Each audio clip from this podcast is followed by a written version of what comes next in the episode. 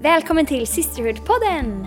Jag som pratar heter Lina Nilsen och idag har jag träffat Beatrice Evemyr. Vi pratade bland annat om att bo i ett främmande land, om kärlek vid första ögonkastet och om chocken att bli mamma.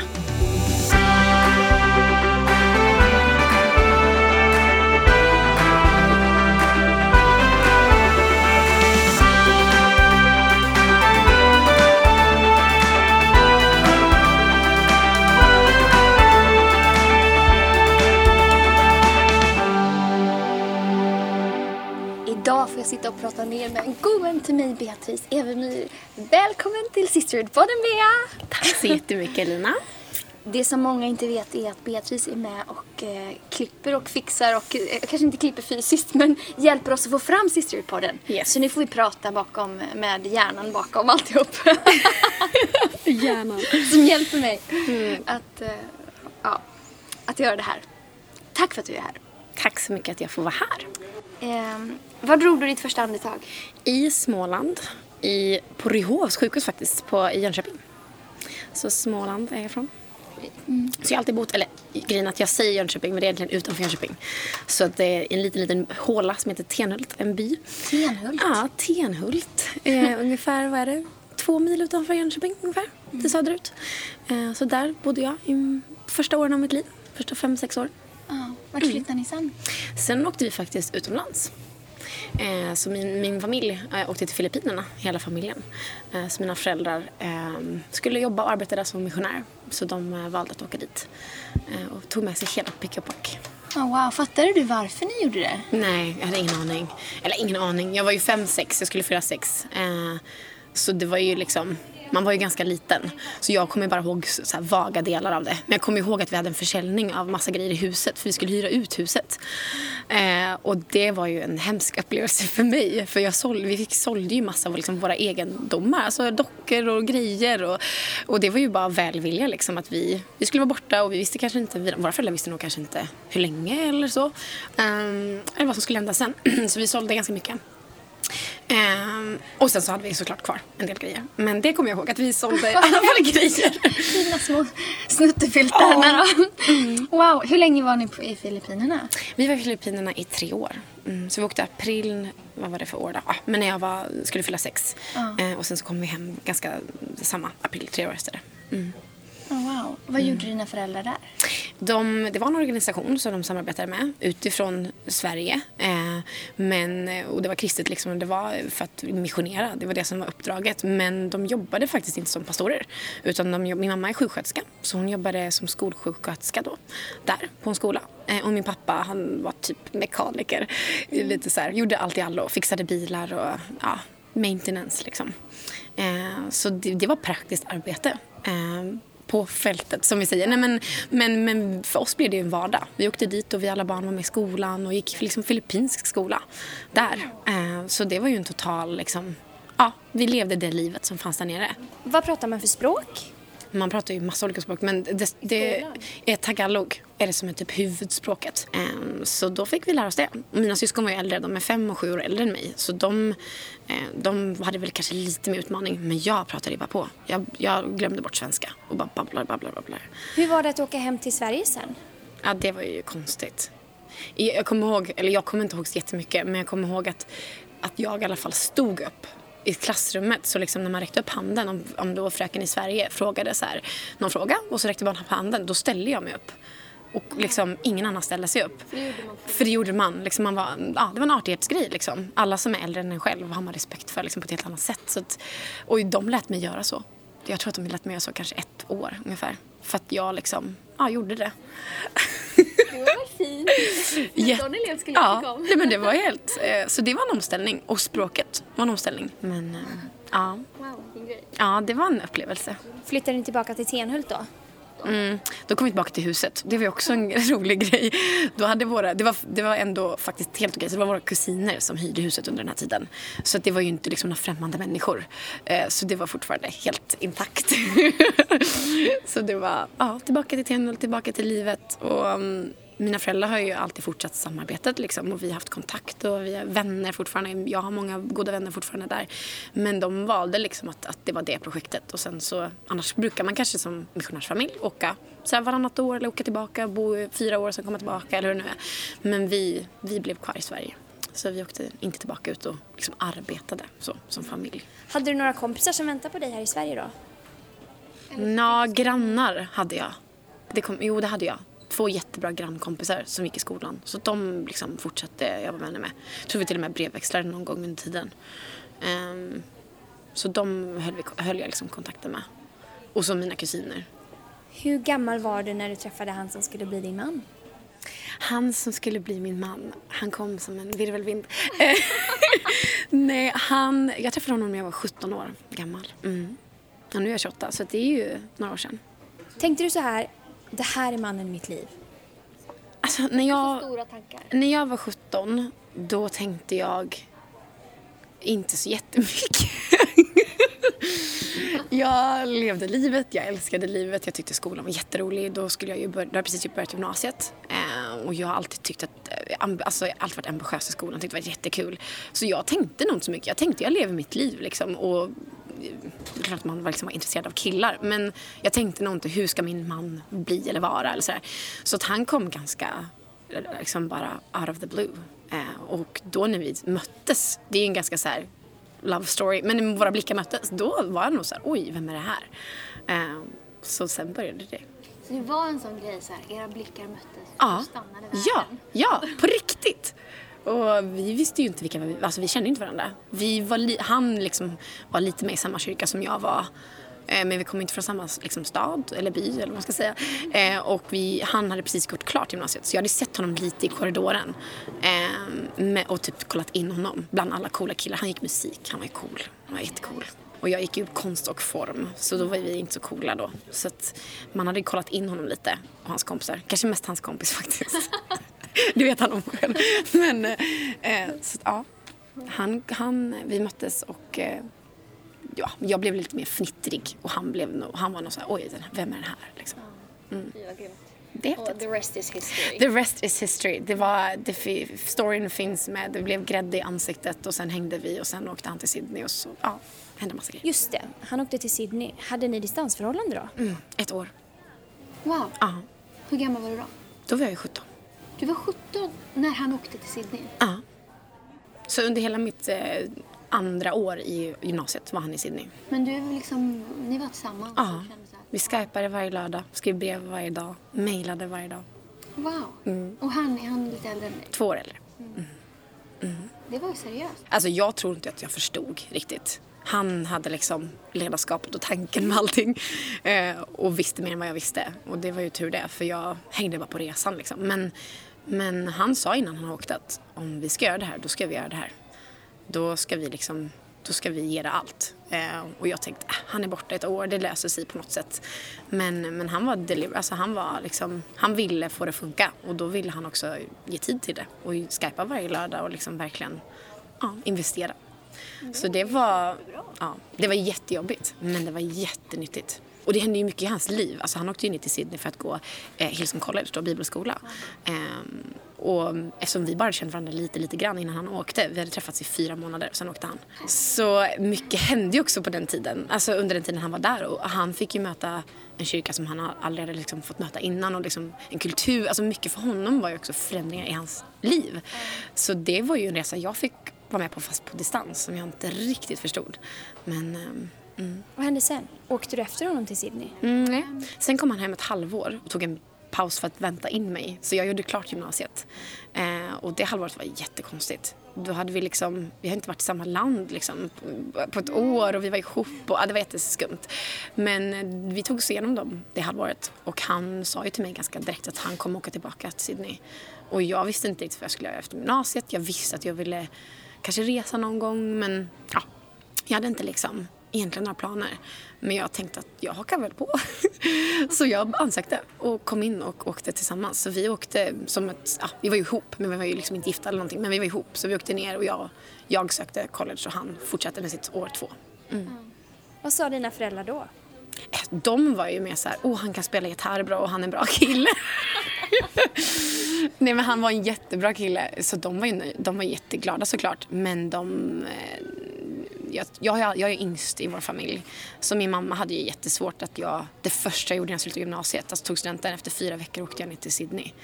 Det var sto- alltså för henne, ja, då var jag så här, åh vad kul det ska bli. Men jag tror att hon kände nog, nu är det här min sista, mitt sista barn som lämnar huset. Liksom lite så. Um, så det var väldigt, väldigt... Nu i efterhand kan man ju, är jag tacksam att de lät mig göra det här. Mm. Åka till liksom, land på, ja, på andra sidan jordklotet och uh, klara sig själv. Det är ju en del av resan, att man faktiskt um, ja, man flyttar in med främmande folk i college och man lär sig ett nytt, eller nytt språk, men man får prata engelska och man får lära sig tvätta och diska och ja, men allting som ändå ingår i det. Um, så det var ja, tacksamt. Det låter som att du halkade in på det här på ett bananskal. Lite, ja.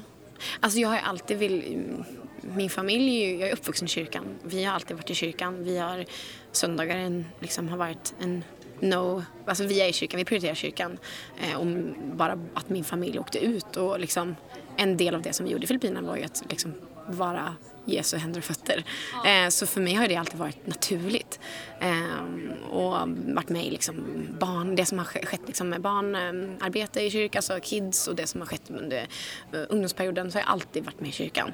Så, um, så för mig så vill jag göra någonting mer med mitt liv. Och jag visste inte så mycket om vad är en bibelskola, vad gör man, vad eh, Ehm, ska jag göra det, ska jag inte göra det? Men, eh, men ändå så, jag hade gått konst och form på gymnasiet och det kanske, jag kan konstatera i alla fall att jag ska inte fortsätta med, med att bli någon slags målare eller någonting. Så då var det ganska lätt ändå. Och jag var ju kär i, i, Andreas och han skulle ju fortsätta och jag ville inte vara hemma. Ja, så det, på ett sätt, i Tenhult. Så på ett sätt så blev det Gud hade ju en plan men jag visste inte riktigt så. Hur länge var ni i Sydney då? Då var vi i två år, men däremellan så gifte vi oss också. Förlovade oss och gifte oss i Sverige. Så för ett år gick och sen var vi hemma några veckor, gifte oss och så åkte vi ner ett år till. Så egentligen så de, alltså våra vänner i Sverige och vår familj, de, ju, de, när vi kom hem, alltså när allt det här var klart och liksom vi hade gjort klart college och var hemma i Sverige igen efter tre år totalt, då hade de ju bara sett oss ihop i ett halvår ungefär. Så det var väldigt, ja, det var väldigt, vi kände varandra väldigt, väldigt väl men inte så många hade sett oss liksom, tillsammans här i Sverige. Så det är väl ja, lite spännande. Men nu bor ni här i Stockholm? Eh, du och Andreas, vilket mm. vi är jätteglada för. Mm. Eh, sen, hur länge har ni varit med i kyrkan här i Stockholm? I Stockholm har vi varit med i sju år. Ja. Mm. Mm. Och ända sen ni kom och sen jag eh, vi lärde känna er så har ju du, du jobbar på ett vanligt jobb nu. Mm. Alltså du jobbar inte i kyrkan. Mm. Med löner och... Ja, personalfrågor, löner. Ja, mm. ja. Men du har ju alltid du har alltid varit med i kyrkan. Alltså, du har alltid varit, lagt så otroligt mycket tid som volontär. Mm. Så här, jag kommer inte ihåg om du började med produktion men du var, jag höll på med mm. produktion jättemycket. Mm. Excel-ark, planering, mm. massa timmar. Mm. Eh, sen har jag varit involverad i Youth och så nu håller du på att hjälpa mig med den här podden och allt möjligt med sociala medier och Sisterhood och allt vad vi gör så här. Mm. Massa olika områden. Men det är ju rätt mycket tid. Eh, varför gör du det? Jättebra fråga. Spontant, varför inte? Eh, det finns väl en del faktorer. Dels så tror jag att jag bara har fortsatt och fortsatt och fortsatt och fortsatt. Min, alltså min familj och min uppväxt har ju, det har aldrig varit någon fråga om att liksom vara i kyrkan. Det har varit en prioritet för oss. Um, alltså söndagar och vara med och vara med liksom i, i det som var barnarbetet och youth och allting. Så det, för mig har det varit naturligt. Um, så någonstans i mig så har det ju alltid funnits en längtan att att göra någonting som är större än mig själv. Uh, och jag, mm, en del av det var att jag faktiskt åkte då till Sydney och fick, fick syn på någonting som jag inte hade fått se innan. Um, den bakgrunden jag kommer ifrån och det jag, det jag varit med om när jag var liten, det var absolut inget dåligt. Men däremot kanske synen på Guds nåd och Guds kärlek förändrades otroligt mycket när jag kom till Sydney. Det, det, för mig var det det största som, som hände i mitt liv, att jag fick uppenbara att Gud verkligen älskar alla människor oavsett vad man än har gjort, vad man än går igenom. Och för mig blev det så, så tydligt att jag måste syssla med det här. Och sen om det är om jag är anställd eller om jag jobbar med det eller om jag bara får göra det så mycket jag kan så har det följt mig liksom hela mitt liv. Um, och ledarskap har väl varit någonting som jag um, som på ett sätt jag tror att Gud ändå vill att jag ska göra. Och om det är att jag tar det som jag har i min hand och gör det då, då gör jag det. Um, så någonstans finns det en in, inre driv, drivkraft såklart. Um, och en längtan. Till och med när, liksom, när man sitter sent på kvällen någonstans med något evigt Excel-ark typ. och så här, man kanske inte, för det är ju rätt inspirerande när man sitter mitt emot en människa som mm. man ser så här, åh, får sitt liv förvandlat ja. och man ser det lyser i ögonen. Ja. Men när det just de kvällarna inte känns så superpepp och man, ja. hur tar du fram passionen då? Uh, bra fråga. Jag menar, om man kollar tillbaka på de här sju åren så, som du sa så för jag har ju, vi har fått vara med och göra så mycket olika saker och det eh, det, livet går ju i säsonger så det är klart att det finns också säsonger när man känner att man bara gör och kanske inte ser så mycket resultat. Och jag är en ganska, jag älskar liksom som Excel och jag älskar organisation och jag älskar ehm, ja, struktur. Och det, det kan ju vara checkboxar och få saker gjort liksom. Och när det inte sker då ja, då kan man väl någonstans undra varför man håller på att göra det här. Men, men under resans gång så har jag haft ledare runt omkring mig som alltid har talat cause och why och varför och också få vara en del av en kyrka där alltid människors liv blir förvandlade. Alltså även om jag kanske på en vecka som varit jobbig då om jag kollar tillbaka så kanske satt i ett Excel-ark eller vad det nu var. Då på söndagen så fick jag ändå se vad, vad gjorde det lilla jag gjorde i veckan? Vad, vad fick det för effekt liksom, på söndagen? Um, eller bara vara med och leda en connect-grupp. Eh, att de tar sina steg. F har fortsatt, att, eller har fått mig att fortsätta. Eh, så det har liksom inte behövts någon någon person på, som står och liksom pekar med en pinne utan um, små, små, små saker har blivit stora för mig när jag har fått inse liksom hur viktigt det är. Um, och sen att när jag själv kunnat föra det vidare till andra. Att, att liksom ta det du har i din hand, det har jag verkligen alltid fått göra. Och när man kan säga det till någon annan och de också får göra det och de blomstrar i det, då ger det jättemycket eh, tillbaka. Mm. Men sen, eh, november är er dotter, mm. du har blivit mamma. Mm. Hon är ju drygt ett år, mm. eller hur? Lite mer, ja. Ehm, då var du superengagerad, du liksom så var med på allt, mm. bla bla bla. Mm. Sen så kom hon och så kunde du inte riktigt göra mm. allt. Mm. Hur var det, den förändringen för dig? Mm. Alltså, för oss var det ju vi vill ju ha familj.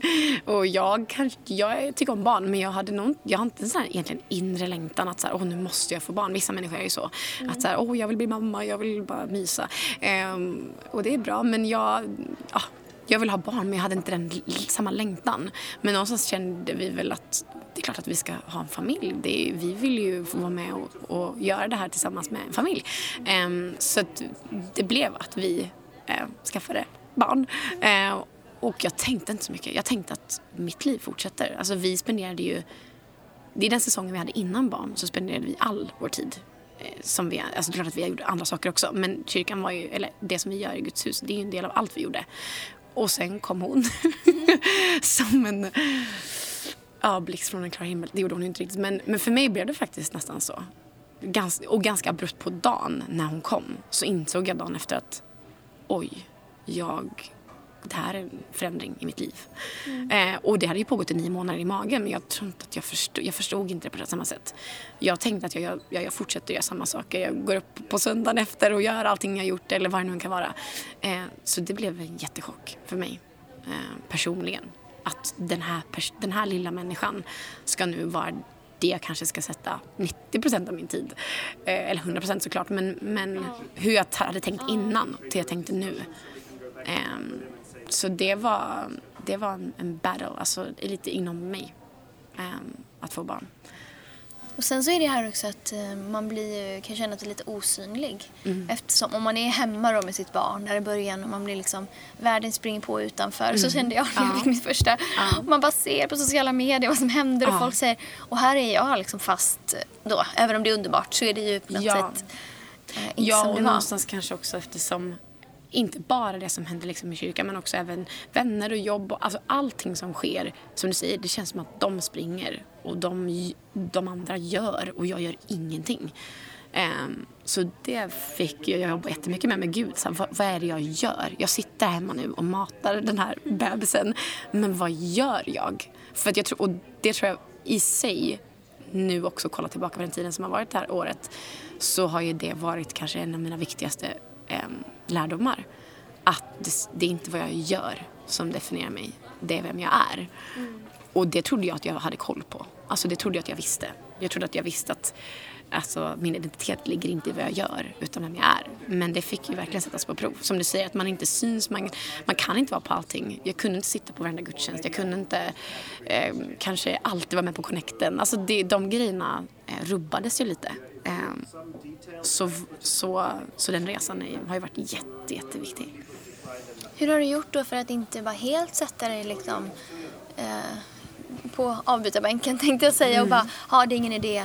Eftersom jag ändå inte kan vara med på allt så är det, kan, är det ingen idé mm. att jag försöker. Eller hur har du gjort för att fortfarande liksom vara med? Mm. Jag tror att jag många gånger har faktiskt också gett upp. Ibland. Alltså varit hemma och bara, nu ger jag upp. Men ändå känt att fast om det är någon som ska göra de här grejerna så kanske jag kan få vara en, en ett ljus för andra som känner likadant kanske. Eh, vi, vi kanske inte pratar så mycket om det bland våra kompisar eller bland de andra mammorna. Men jag vet ju själv att det kan vara en frågeställning som man ställer sig. Eh, vad spelar det för roll om jag kommer eller vad spelar det för roll om jag tar med mig mitt barn? Ehm, för jag saknade lite det här. Jag, det fanns inte så jättemånga som jag kunde luta mig in på och fråga hur de hade gjort det. Och då då kände jag att jag kanske behöver göra det här ändå. Eh, och det var inte så jättesvårt. Man behövde ju bara komma. eh, eftersom jag inte hade någon kanske då praktisk uppgift. Eh, så, som jag liksom skulle vara där en viss tid och göra en viss sak som jag hade gjort tidigare. Ehm, så kunde jag komma och vara i foajén med min bärsele eller ta med henne överallt. Och, och det frigjorde en annan tid för mig. Jag hade ju dagtid när jag kunde ringa folk, när jag kunde ta en fika med. På den, då gjorde vi ju youth. Ehm, så jag kunde träffa ungdomar som som var klara i skolan vid tre eller vid två och fika med dem. Eller, så jag fick nog skifta mitt perspektiv.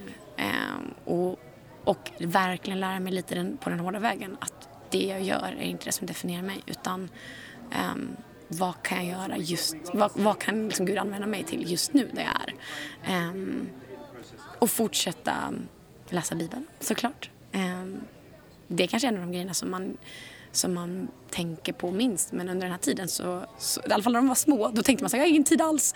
Men då hade man jättemycket tid. Alltså när de sov i två timmar. Man kan ju läsa, man kan göra ja, mycket. Så att, um, man fick bara lära sig att det finns annat att göra. Um, Tycker du att du har större förståelse för andra?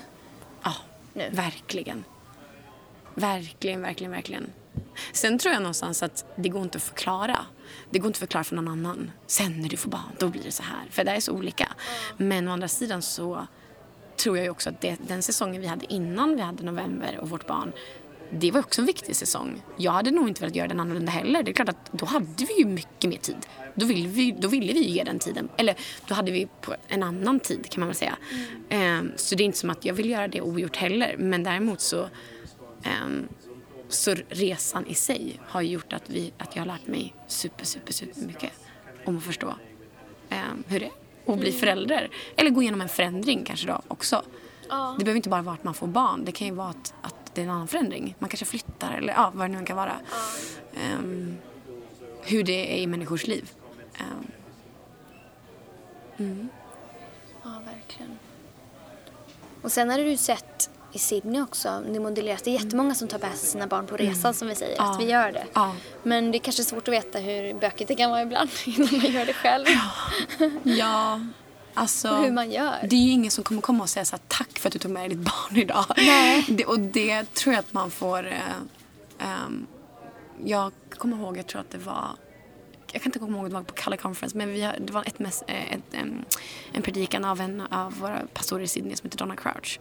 Hon talade om eh, Eh, att de åren som barn, alltså man investerar i sina barn och då ta med dem på resan. När de är så små som man tänker, hur kan de ens förstå Guds kärlek? Alltså de är så små, hur kan de ens förstå någonting?